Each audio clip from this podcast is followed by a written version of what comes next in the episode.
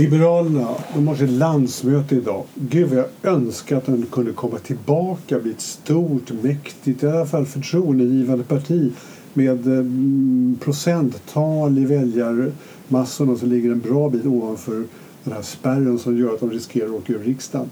Det vore helt underbart med ett kraftigt bra liberalt parti. De behöver inte ha makten, men bara att de fanns där och hävdade liberala idéer. Gud vad jag önskar det vore bra. Gud vad jag önskar att det blev så igen. Och, ehm, ja, man ska inte gå tillbaka till Olin och allt det där, men ändå. Ett liberalt parti under Nyamko vore ju helt underbart om de fick mycket luft under vingarna och kunde hävda de liberala idéerna i Sverige. Ja, det vore verkligen väldigt, väldigt härligt. En lång boll som de säger.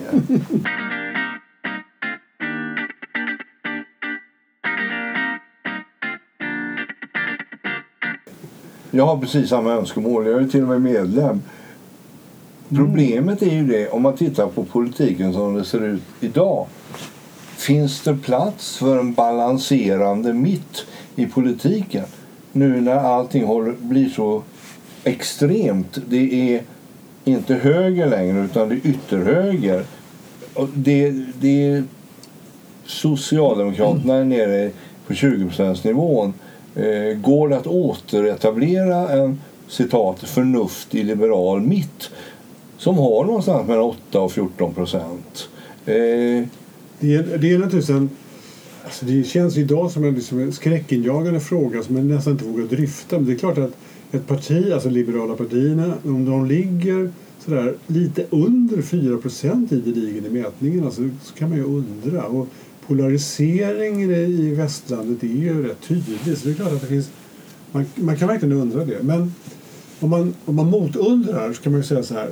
Det, för det första så behövs de, det är alltså. Men, men det finns ju små, små tendenser i Europa att det finns en växande motståndskraft på något sätt i opinionen mot högerpopulismen som anses vara relativt liberal.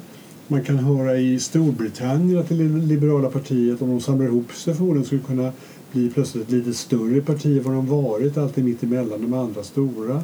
Så att det, inte, det behöver inte vara helt kört. Um, däremot så är det ju inte så att uh, vi ser ju inte det hända Snarare, vi, vi ser inte det ha hänt i Sverige ännu. Det är ju tyvärr sant. Det som jag tycker är hoppingivande i alltihop det här är ju det att de omedelbart framför oss stående problemen de är ju de samma oavsett om det är en vänsterregering eller en Visst. högerregering. Alltså, och, och det gör ju det att, att värdet och vikten av ett liberalt parti ökar ju. För att vi måste vidta en del ganska kraftfulla åtgärder mm. för att återställa ordningen i landet. Mm. Och att bevaka då att de liberala fri och rättigheterna vidmakthålls mm. bland eh, bevakningskameror, avlyssning, avkodning och så vidare. Det gör ju att det liberala projektet blir ännu viktigare. Ja, men det är verkligen sant. Men, men får du gehör i befolkningsmassorna? Ja, det får du om du klarar av att lösa det första. Va? Mm. Alltså, och oavsett regering så måste vi ju hantera mm. de här ska säga, eh, hygieniska dagsfrågorna. Ja. Vi måste stoppa skjutningar och Visst. bombningar och så vidare. Och vi måste sannolikt ta till ganska drakoniska metoder mm. eftersom vi har låtit det gå så långt. Alltså övervakningszoner, mm. kommandon som punktbevakar eh, individer och så vidare. Mm. Och när det väl börjar ge resultat mm. så finns ju utrymme för en förnuftig liberal politik. Speciellt om den här förnuftiga liberala politiken inte har ägnat tiden åt att säga nej till allting utan säga att okej, okay, nu är det specialläge nu kommer det att vidtas ett antal åtgärder. Men vi liberaler vi garanterar att de åtgärderna aldrig långsiktigt kommer att gå ut över era liberala fri och rättigheter. Det är vår mission i den här speciella situationen. Det tror jag är ett budskap som folk skulle... Om det bara började hända något så tror jag faktiskt att, att folk skulle kunna ta till sig det. Som Nyamko säger så här. Nu ska vi reglera den här situationen med hårda tag som består av det här, det här, det här, det här. Men vi liberaler vi garanterar att det ska inte gå ut över civila fri och rättigheter långsiktigt. Men då, det, måste, det ska ju i så fall inträffa ungefär eh, på måndag när deras landsmöte är över. Ja, måndag morgon. Ja. Ja. För sen är det ju bara sen är det något mindre än tre år till nästa val Ja. när det hela avgörs. Ja. Och det fina är det att Nyamko har ju den situationen nu att sossarna är i parterr. Mm. Januariöverenskommelsen funkar fortfarande. Hon kan använda den som bräckjärn och säga Käre Löfven, Ja. det visar sig att du och din inrikesminister ni gör ingenting. Nej. Men här ser ni, här har jag en receptbok. Ja. Gör det här så ska jag stötta er och januariöverenskommelsen. Mm. Och gör ni inte det och inte har några egna svar som jag kan stödja då kommer vi att titta på januariöverenskommelsen på allvar och se om den är moraliskt hållbar. F- Därför i det läge som sossarna är idag så kan man faktiskt utmana januariöverenskommelsen utan att det går ut över Liberalerna. Alltså, för, för nu är sossarna så långt nere i parterr att det här hotet om med Sverigedemokraterna och så vidare det är inte riktigt verksamt längre. Så om Liberalerna kan komma med ett konkret förslag samtidigt som de har ett konkret löfte om att bevara våra fri och rättigheter som de kan få sossarna att genomföra eller avgå och låta någon annan genomföra Ja. då tror jag att de skulle kunna helt plötsligt bli en samlande kraft i samhället. För, för det är ju den gamla fina regeln genomförande är allt. va Mm. Vi pratar och vi pratar och pratar men det händer ju ingenting. Nej. Och alla sociala reformer som vi ska göra, ja de har effekt om tio år eller om sju år. Mm. Men gör vi någonting de närmaste fem månaderna Mm. så kommer ju folk att ställa sig upp och jubla. Det är absolut så. Det, det tror jag också. Och då, och då är det framförallt för att, att gör vi, det betyder ju egentligen att plötsligt så får vi färre rapporter om skjutningar och skottlossningar i, i förorter och sådana saker. Och märker vi det så blir vi omedelbart mycket mer lättade. Och den som åstadkommit det kommer att få någon form av beröm eller godkännande. Eller någonting. Det, det, det är jag helt övertygad om. Dock är det ju inte så liberalt utan man måste ju snabbt koppla det till den liberala hållningen till, dessutom. Ja, alltså. den liberala hållningen är ju då löftet ja. att vi kommer att se till att det här inte får långtid, långsiktiga negativa effekter på fri och rättigheter. Mm.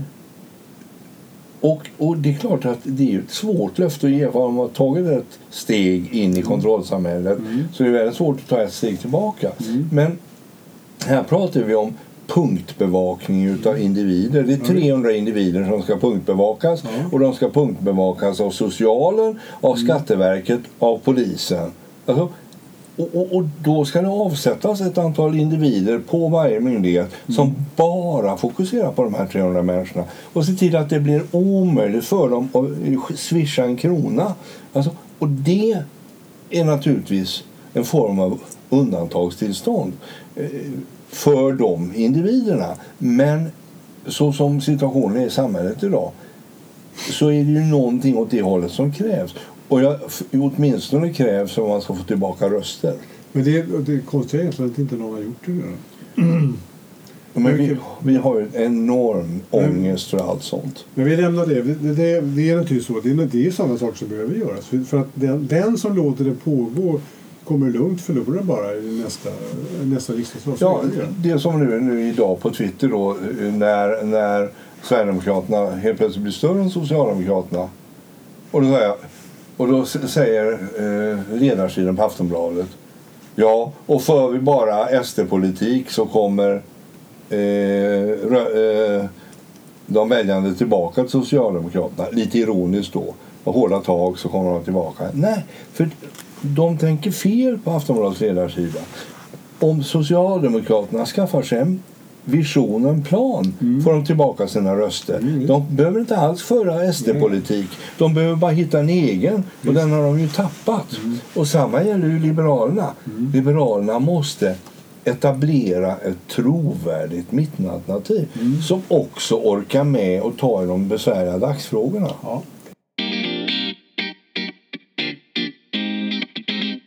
Sen har jag, för tyvärr har jag en, en besvärlig sak med Liberalerna. Liberalerna var ju de som, med, med, med Björklund så var ju han den som lyfte, lyfte våra ögon på något sätt när det gäller skolan, den svenska skolan. Han, peg, han vågade ju säga rakt upp på det, det här är inte bra. Den fungerar inte riktigt. Men sen så kom det olika undersökningar som jämförde oss med andra länder så, så, som tyvärr gav honom rätt. Det var inget vidare med den svenska skolan. Och, eh, och det kallades för flum och det kallades för ditten och datten och det, det uppretade många. Men han ville ju ändra på det där. Och det var ju klokt nog. Det sorgliga var ju bara att han började med ansvar för det här för 13 år sedan.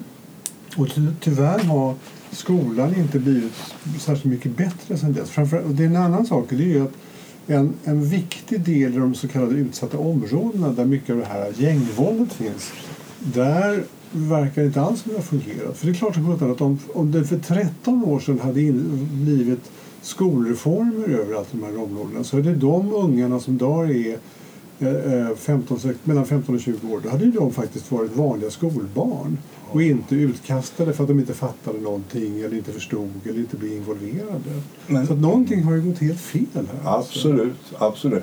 Och där, men där har jag faktiskt lite hopp. Va? Därför att i veckan har ju då Nyamko utsatt den här eh, eh skoldebattören Isak Skogstad ja, ja, ja. till skog, skoltalesman. och Skogstad och rektor Hamid som är en annan ja. skolordningsman mm. tillsammans det bör kunna återetableras någon form av rimligt skolalternativ ifrån, ifrån eh, Liberalerna. Jag har, jag har stor förhoppning på det. Och, och, och, eh, så jag, jag 13 år för sent, men ändå en start. Va? För, att, för att det är ju ingen tvekan om att kunskapssamhället Sverige behöver en skola som förmedlar kunskap. I högsta grad. Men det jag menar är att jag tror att Jan Björklund hade rätt. Och ändå så lyckas han inte genomföra det. Eller snarare så här, ja, nej men det var bara att stanna där. Alltså. Och det gör att, att jag tycker att det här, det här ser eh, krångligt ut. Ja, och det är det. Alltså, aktivisterna på Eh, skolstyrelsen har ju jobbat stenhårt och det erkänner de ju till och med. Jobbat stenhårt för att gå emot eh, departementet när de försökte reformera. Jag läste någon artikel om det här om veckan. Och, och faktum är det att jag skulle lägga ner Skolstyrelsen. Alltså, det, det, det, alltså, ett verk som ägnar sig åt att lajva eh, postmodernister på arbetstid, det, det behöver inte vi alltså. Nej, det är väl ännu mer dramatiska åtgärder än vad, vad Björklund, Björklund skulle helt enkelt tagit i mycket, mycket hårdare med med eh, spade och med kofot. Lägg ner, skapa ett nytt verk ja. och så anställ nya. Därför att det är ju ingen tvekan om att, ja det kanske det finns någon tvekan, men det är i alla fall för mig väldigt tydligt att den pedagogiska forskningen i Sverige och de som företräder den pedagogik som vi eh, har anammat, den har gått fel. Och att vi inte får säga det är närmast märkligt. Menar, det är inte, du sa tidigare i en annan debatt att de 10 procent sämsta i Singapore är bättre än de 10% bästa ja, i våra gymnasier. Menar, hemska siffror. Det är ju hemska siffror. Va? Och, och, eller som den här skolinspektören som var på Franska skolan när Kalle gick där. Och när Kalle opponerade sig så sa han det. Det är faktiskt inte skolans uppgift att förmedla faktakunskaper. Ja men hallå? Ja. Nej, jag förstår. Det, det, det finns många obehagligheter där. Men, men om vi tänker oss en sån dramatisk reform genom skolarbetet som, som kanske är den riktiga. Det kräver ju ett gott liberalt handlag för att liksom försvara den och liksom genomföra den på ett vettigt sätt. Ja, alltså det måste ju genomföras i konstruktiv anda. Vi stänger här, vi öppnar där, alla får söka sina tjänster men tjänsterna får sökas av en var och sen så har man en, en generaldirektör med civilkurage som, som, som eh, är satt att genomföra en kunskapsskola. Och så får man väl ta det därifrån då. Det blir naturligtvis jäkla liv på vägen. Ja, det Men tror hur ska jag. vi göra? Det kommer, bli, det kommer bli livligt. Men det vi söker här det är ju egentligen inte vad ska vi kalla det för, den mer frihetliga delen av liberalismen. För det är den som det moderna samhället liksom ser trots allt i liberalismen, bara i ordet liberalism blir då man får göra mer och man, man får större utrymme för var och en och sådana saker.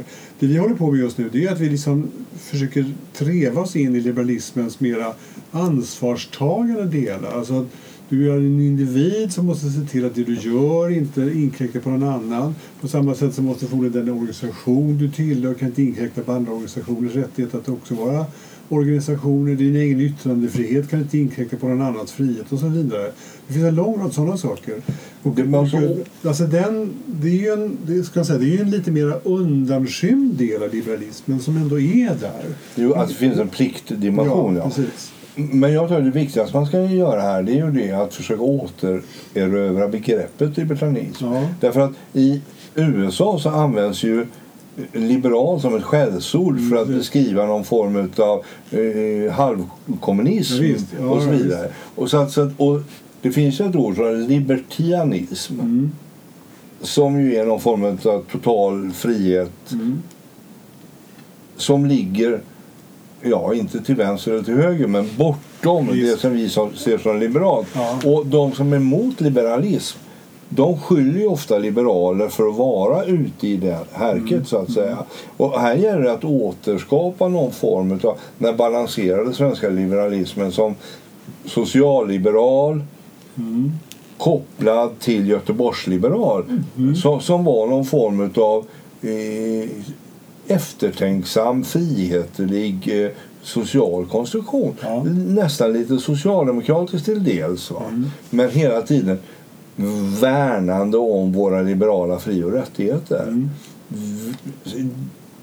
Och, och, och där hade den en fantastiskt viktig roll när Socialdemokraterna ville ha en ostkupa över landet. Mm. Och nu när Socialdemokraterna knappt inte finns mer så har de en lika viktig roll att återetablera ett, ett relevant centrum i politiken. Mm. I högsta grad så. Det är klart att alltså, det är verkligen, de behövs verkligen. Det gäller bara att, man, att visa upp dem så mycket så att andra tycker att de behövs också. Jo, men nu har du liksom pekat på två saker. Alltså det ena är att, att värna om rättigheterna medan vi rensar upp.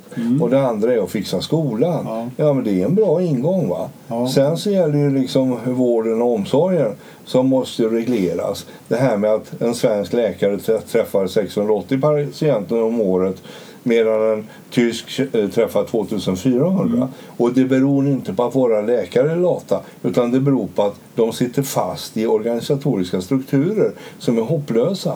Den är ju den är intressant. Och frågan är bara hur man löser det med liberala, med liberala riktlinjer. Den är inte helt lätt alltså. Det är inte så att det är det liberala hjälper oss där och försöker hitta så här Nej, men då tänker jag så här att stor del av denna läkarkår är ändå liberal. Mm. Och vi låter läkarkåren och sjuksköterskekåren få makt. Alltså, de här damerna som går omkring i violetta eh, kläder och röda glasögon i korridorerna på alla sjukhus. Deras makt begränsar vi lite och så ökar vi makten hos dem som faktiskt kan sy ihop ett sår. Eh, enkelt. Alltså, jag, jag kommer ju alltid tillbaka till det där att man sköter ett sjukhus med en syssloman, en lönekontor och, och vaktmästare. Det behövs inte 10 000 civilekonomer. Det kanske ligger något i det. Alltså, min, eh, jag har en god vän som är läkare. Han påstår att det är en sak som man skulle kunna göra det är att släppa, släppa lönebildning, nej inte lönebildning, jo men lite grann lönebildningen lite friare. Det, är det skulle man kunna hävda möjligen är lite liberalt. Vad han menar är så här. Om, om det blev lite friare så skulle läkarna, om de fick betalt för, för, på något sätt, för mängden patienter som de tog hand om så, så, skulle det, ehm, så skulle det öka effektiviteten väldigt mycket. Kort sagt, man fick, man fick pengar för det, för hur många patienter man eh, släppte igenom. Jag, jag kan inte mekanismerna för de är rätt krångliga. Men, men det han menar är så här. Den, det som händer nu är att läkarna, eh, när de jobbar mycket, så drar de på sig väldigt mycket komptid. Och så, Ja. så är alla läkare lediga ideligen. Eh, Långa, långa perioder. Och, och det är ju trevligt för att vara läkare, men det är inte så himla bra för sjukvården. Det vore mycket bättre om de sa Ja, men jag ökar, om, jag, om man kan ta ut hela tiden pengar så att varje läkare kan tjäna lite mer så menar han då skulle, vi, då, skulle man, då skulle man inte åka på tjänsteresa, på- nej, man skulle inte åka på kompledighetsresa. Man skulle sitta kvar och så skulle man ta in fler patienter. Ja, man ska inte åka på kompledighetsresa till, till Kautokeino Nej. och rektoskopera eh, samer i Dessutom norra det- Norge till, Nej, för 50 000 kronor i veckan. Precis. Dessutom det. Självklart. och, och det där tycker jag är rätt intressant för det där är ett problem vi har i hela, i hela myndighets-Sverige. Det här att vi civilekonomer av någon outgrundlig anledning har kommit fram till att tid är gratis. Mm. Och det gör det att bygga väg tar tre månader istället för tre veckor. Att, att eh, ska vi säga, har polisen jobbat över helgen? Mm. Ja, nej, du får inte ut det i pengar. Det är billigare att du är ledig i tre dagar. Alltså, hela det här kompberget Mm. som, ska, som ska hela tiden hanteras genom att ge folk ledigt för det är billigare. Nej, det är inte alls billigare. Mm. Det är en ineffektivt användning av gemensamma Och resurser. det syns väldigt tydligt i sjukvården som har liksom en, en, en, en ram på något sätt runt sig av Mm. behov och, eh, och budgetar. Och där märks det väldigt, väldigt tydligt. Alltså. Och 65 procent av de här pengarna kommer tillbaka till statskassan Mm. i eh, form av utav, eh, eh, skatt. Skatter och dessutom så är det 25 procent moms på allt som de Mm. här läkarna köper. Så jag skulle tippa att någonstans runt 72 procent rullar in igen. Mm. Ja. Men, men, så det finns ju, man skulle kunna säga att det finns möjligen en, en dellösning här på en del av problemen. Men det jag menar är så här. Hur skulle man sätta den liberala etiketten på det? Förstår du vad jag menar? Alltså här, det här kanske är någonting som behöver göras någonting åt det här hållet och då skulle det uppträda med effektivitet. Men kan man säga att det är en liberal hållning? Man kan ju säga att det är en praktisk, pragmatisk hållning. Förstår Ja, men det, jo, men det är inget motsatsförhållande. Och dessutom kan man säga det att ha en friare lönebildning det är ju i alla fall inte illiberalt. Nej, nej, det är det inte. Det- alltså, och, och säga det att, att ge professionen större makt och utrymme Nej, det är sant. inte heller Nej, det, liberalt. det är faktiskt sant. Så, så att, eh, Och att säga så här till statsapparaten. Ja, har ni, har ni verkligen räknat på vad kompledighet kostar i bristande effektivitet? Ja, det- är inte heller Nej, liberalt. Så att, så att, ja, men nog skulle man som liberal finansminister Ja. kunna bestämma kring det här på ett sätt som i alla fall inte skulle vara illiberalt. Nej, nej, men det är verkligen sant. Det, det, man skulle kunna sätta på sig de liberala glasögonen och på det sättet kunna göra saker även när det gäller eh, sjuk och hälsovård. Ja. Ja. Och dessutom tror jag det behövs därför att vi, det är ju inte rimligt att vi har eh, sjunde högsta sjukvårdskostnader per capita i världen. eh, Att vi ligger strax under USA och de här. Och, och sen så har vi en vård som gör att vi har köer härifrån till evigheten. Mm. Alltså, det, det, det är faktiskt... Ja, jag tycker det är intressant. Vi, vi kan alltså klara buset, klara skolan och klara vården med en bra liberal politik. Ja. Borde dra en annan röst. Ja. En, annan, annan, en annan liberal hållning som vi har sett som, som är mm, intressant den är det att den, den, liberal, den, så här, den mest eh, försvarsfrämjande rösten i svensk politik de sista tio åren kommer från liberalt håll. Eh, den är lite svårare att förklara tycker jag. Det är bara att acceptera att det är så. Widman själv och eh, även hans partiledare har ju varit liksom de som har de har, de har ställt sig utanför vissa överenskommelser och säger att det där är för lite. Det är för lite gjort, det är för lite pengar, det måste skjutas till mer. Och de har alltid varit liksom, eh, ska man säga, väl insatta förespråkare för vad som bör byggas ut och vad som behöver utvecklas och vad som var fel tidigare och sådana saker. Det är inte sådär, om igen, inte särskilt självklart liberalt. Det har blivit så i Sverige bara. Ja. Men, men det, det är också historiskt betingat för att vi drabbades ju av den eviga freden och de som svalde det pillret djupast det var ju Moderaterna. Mm. För då såg Ja, helt ja, plötsligt visst. de att här finns det ett lucka att köra in i Mm. som vi dessutom har råd att finansiera genom att vi lägger ner försvaret. Eh, Så kan vi nita sossarna. Och sossarna var ju, de hade ju lite samma, eh, in, samma syn. Va? Göran Perssons Ja, eh, försvaret kan vara en avdelning på utrikesdepartementet och sista miljarden kan man alltid ta från försvaret. Och då fanns ju ingen förnuftets röst kvar. För eh, Anders Borg han var maktintresserad, Mm. offrade gärna försvaret för sin egen makt. Och sossarna de tycker att försvaret är ganska obehagligt, så det vore bra om det försvann. Eh, efter då eh, tidigare väpnade folkhemmet som var en gammal sossetanke. Eh, Så då, förnuftets röst som fanns kvar, det var ju Liberalerna. Ja. Ja, och det, det, och det kanske var liksom mer tillfällighet. Idag kan man säga att det var ju, det var ju tur att någon i alla fall stod kvar och ropade. Därför att liksom nu håller ju hela utvecklingen och och vändningen politiskt, den håller ju på att bli just som Ja, du sa. alltså det är väldigt intressant just det här det som händer idag. Att vi som är världsmästare på tyst diplomati, Mm. vi har en medborgare fångad i Kina. Mm. Vi lyckas inte röra honom en millimeter. När någon tar sig oråd före att ge denna person ett pris, Mm. då ringer Kinas ambassadör Mm. och säger det, men hej guys, dela inte ut det priset med hjälp av någon regeringstjänsteman. För då kommer storsläggan här. Mm. Alltså, I detta land med dessa erfarenheter så har vi en utrikespolitik som utgår ifrån att det går att tala folk till rätta. Mm. Det går ju inte ens att tala, alltså, de är ju inte ens intresserade av att lyssna. Nej. Kineserna har attityden, ja, vadå, ett litet jävla land som är stort som en förort till Shanghai Mm. sticker upp.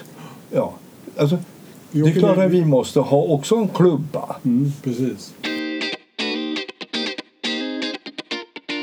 Det har blivit så att det är det liberala partiet som har drivit försvarsfrågorna vidare tills vi andra fick upp ögonen och sa att ja, men nu får vi göra som de har sagt, inte för att vi gav dem någon medgivande utan men pengarna börjar komma nu. Ja, därför att om man nu tar detta till någon form av real, eh, liberalt credo så är det ju så att möjligen är det väl så att Björklund och kompani såg att i denna autokratiska värld ska vi behålla våra liberala fri och rättigheter Ja. så måste vi i alla fall kunna hålla Ja, gränsen. Ja. För annars kommer kineserna bestämma allting. Visst. Och det, är klart, och det här är ju ett jättedilemma. För vad gör vi om nu Kinas ambassadör ringer i övermorgon och sa "Ö, jag ser att ni gick och delade ut det här priset. Mm.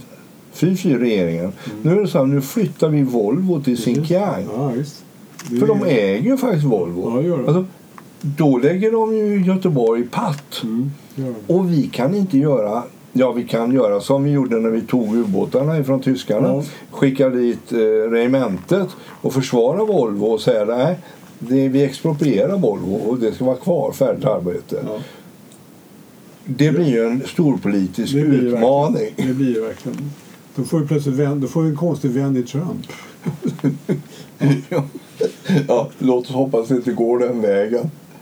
Men om vi, om, det där är krångligt alltså. Jag, det finns en annan fråga som man också måste fundera på hur den ska lösas liberalt. Alltså det finns ju ett förhållande mellan storstad och, eh, och landsbygd i Sverige som måste redas ut på något sätt och, och hanteras på ett bra sätt.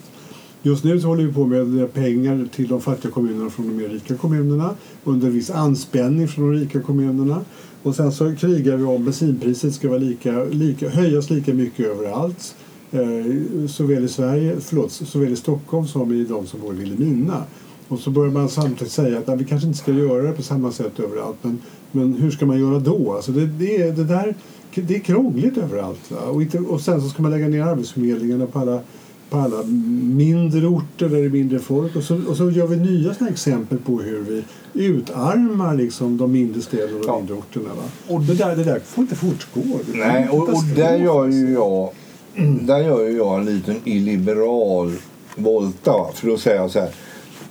För att folk ska kunna ha sina fri och rättigheter ute i landet Ja. så krävs vissa basförutsättningar. Ja. Du kan inte ha yttrandefrihet och så vidare om det inte finns samlingslokaler, bredband, eh, lokal service och så vidare. Så det är alltså ett liberalt projekt att se till att kommunalskatten är samma i hela landet och att det finns kommuncentra i alla delar av landet som innehåller arbetsförmedling, systembolag, polis, eh, bredbandsnät, Telia, alla de här grejerna som faktiskt är hygienfaktorer i ett modernt samhälle. Du kan ju snart inte betala en räkning utan ett väl fungerande bredband. Va? För det, menar, det, där är, det där är intressant, för då säger vi så här eh, Demokrati och fri yttrandefriheter och, och fria val, det är viktiga saker.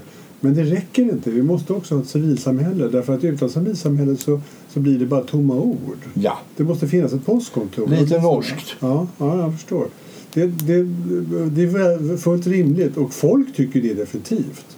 De, de är ju beredda nästan, man kan ju se i, i utveckling i andra länder att folk är nästan beredda att ge upp sina fri och rättigheter om bara det finns liksom just en matbutik och, och allmän service och ett barnbidrag som betalas ut av en person och inte kommer via Ja, och i. Sverige har vi ju fördelen va? att det går att göra detta till någorlunda rimliga kostnader. Därför vi har Systembolaget som monopol. Och det gör det att Systembolaget kan ju i princip bära hyran i de här kommunhusen runt om i Sverige. Alltså, det, det låter ju lite fånigt och definitivt inte jätteliberalt. Men, men alltså, låt oss använda de styrkepunkter vi har och se till. För jag tycker att det är en liberal tanke att alla ska ha ett vettigt bredband. Ja, det det är självklart. Alltså, det, det, jag kan inte se... Jag vet ju själv vilket helvete det blir när man åker till Smögen Mm. där vi har ADSL istället för fiber. Alltså, och så helt plötsligt så hackar det av mitt när man ska betala räkningarna därför DSLen går ner. Alltså, och så är man van att ha 100 megabit i Stockholm. Mm, alltså, det blir ju en friktion utan like. är och sitter man då i Korpelombolo och är, är på den här nivån som man var för 20 år sedan alltså, ti, och lägger telefonluren på någon Det är inte rimligt. va? Ja, men det är verkligen sant alltså. Med fria rättigheter och med ett demokratiskt samhälle så, krävs, så, så finns det en lång rad förutsättningar för att klara av detta. Mm. Och det är faktiskt ett gemensamt uppdrag att se till att Kalle Kula får sitt bredband Mm. och att det finns en polis och en, en brandbil och, och ett kommunalkontor, en arbetsförmedling och så vidare runt om i landet. En basservice. Nej, men det är sant alltså. Ja, då, då har vi egentligen sakta börjar liksom ett liberalt program framstå här. Ja, det- täcker stora, samhälls, stora och viktiga samhällssektorer. Vi får skriva ett, ett, ett längre brev till Nyamko Och berätta. och berätta hur hon ska göra. Ja, vi får se vad landsmötet säger. Ja. Ja, men ska se. Jag undrar om inte det finns någonting, någonting mer att säga. Några korta ord om utrikespolitiken bara. Om man är ett liberalt land, om vi tänker så, att plötsligt så får Nyamko bestämma hur vår utrikespolitik ska vara. Då undrar jag, då kan man tänka sig, kommer den att ändra sig någonting? Kommer vi att säga till ehm, den palestinska, liksom, ska man kalla det för, statsbildningen runt Israel något annat än vad vi har gjort hittills? Kommer vi säga lite annorlunda saker till Israel? Det gamla, alltså, det liberala partiet har ju normalt sett varit ganska Israelvänligt ibland och, och mera Palestinavänligt ibland. Men jag tror mycket Israelvänligt tror jag i alla fall. Kommer den att ändra sig, den, den hållningen? Det skulle jag gissa. Så jag skulle gissa att den uttalar sig på ett annorlunda sätt. Den måste till och med göra det. Därför att det, det är alltså, även Socialdemokraterna var ju Israelvänliga historiskt sett. Göran Persson var ju Israelvänlig. Ja. Men alltså, den stora liberala utmaningen är det att man kan inte oreflekterat ge pengar till människor som lovar att rota ut andra människor. Nej. Alltså, även om de själva har blivit förjagade. Så, och där tycker jag en ansvarsfull utrikespolitik ska vara så här. Okej, vi stöder er. Ni har råkat illa ut. Vi gillar att ni ska få, få eh, eh, rimliga levnadsförhållanden. Men så länge ni säger att Israel ska utrotas Mm. så får ni inga pengar. Nej. Alltså, Nej, det alltså vissa såna här Ja, moraliska grundförutsättningar. Ja. Man säger så här, okej, ni får gärna hålla på så här, men inga dödsstraff. Ja. Alltså, bara att Mm. Ja, upprätthålla några minimala liberala krav. Alltså, Mm. Sen kommer det naturligtvis kosta oss en del därför att Kina kommer ju inte att ta det här som god fisk utan de kommer ju tycka vad, vad eh, ni ska Mm, hålla er och inrätta er och så vidare. Men det får man faktiskt försöka eh, navigera i därför jag tycker inte att det är rimligt att en av våra medborgare blir kidnappad Nej, det är i, i. Thailand och flyttad till Peking. Alltså jag tycker det är, följer nästan som att man ska skicka in Soggen och hämta honom. Ja, ja. ja, men då så. Eh, Då har vi ett ännu mer komplett program. Även några stänk av utrikespolitik har vi fogat in här. Ja, alltså upprätthåll en liberal, Mm. fri och rättighetskatalog även i utrikespolitiska krav. Vi hoppas på Nyamko närmaste veckorna.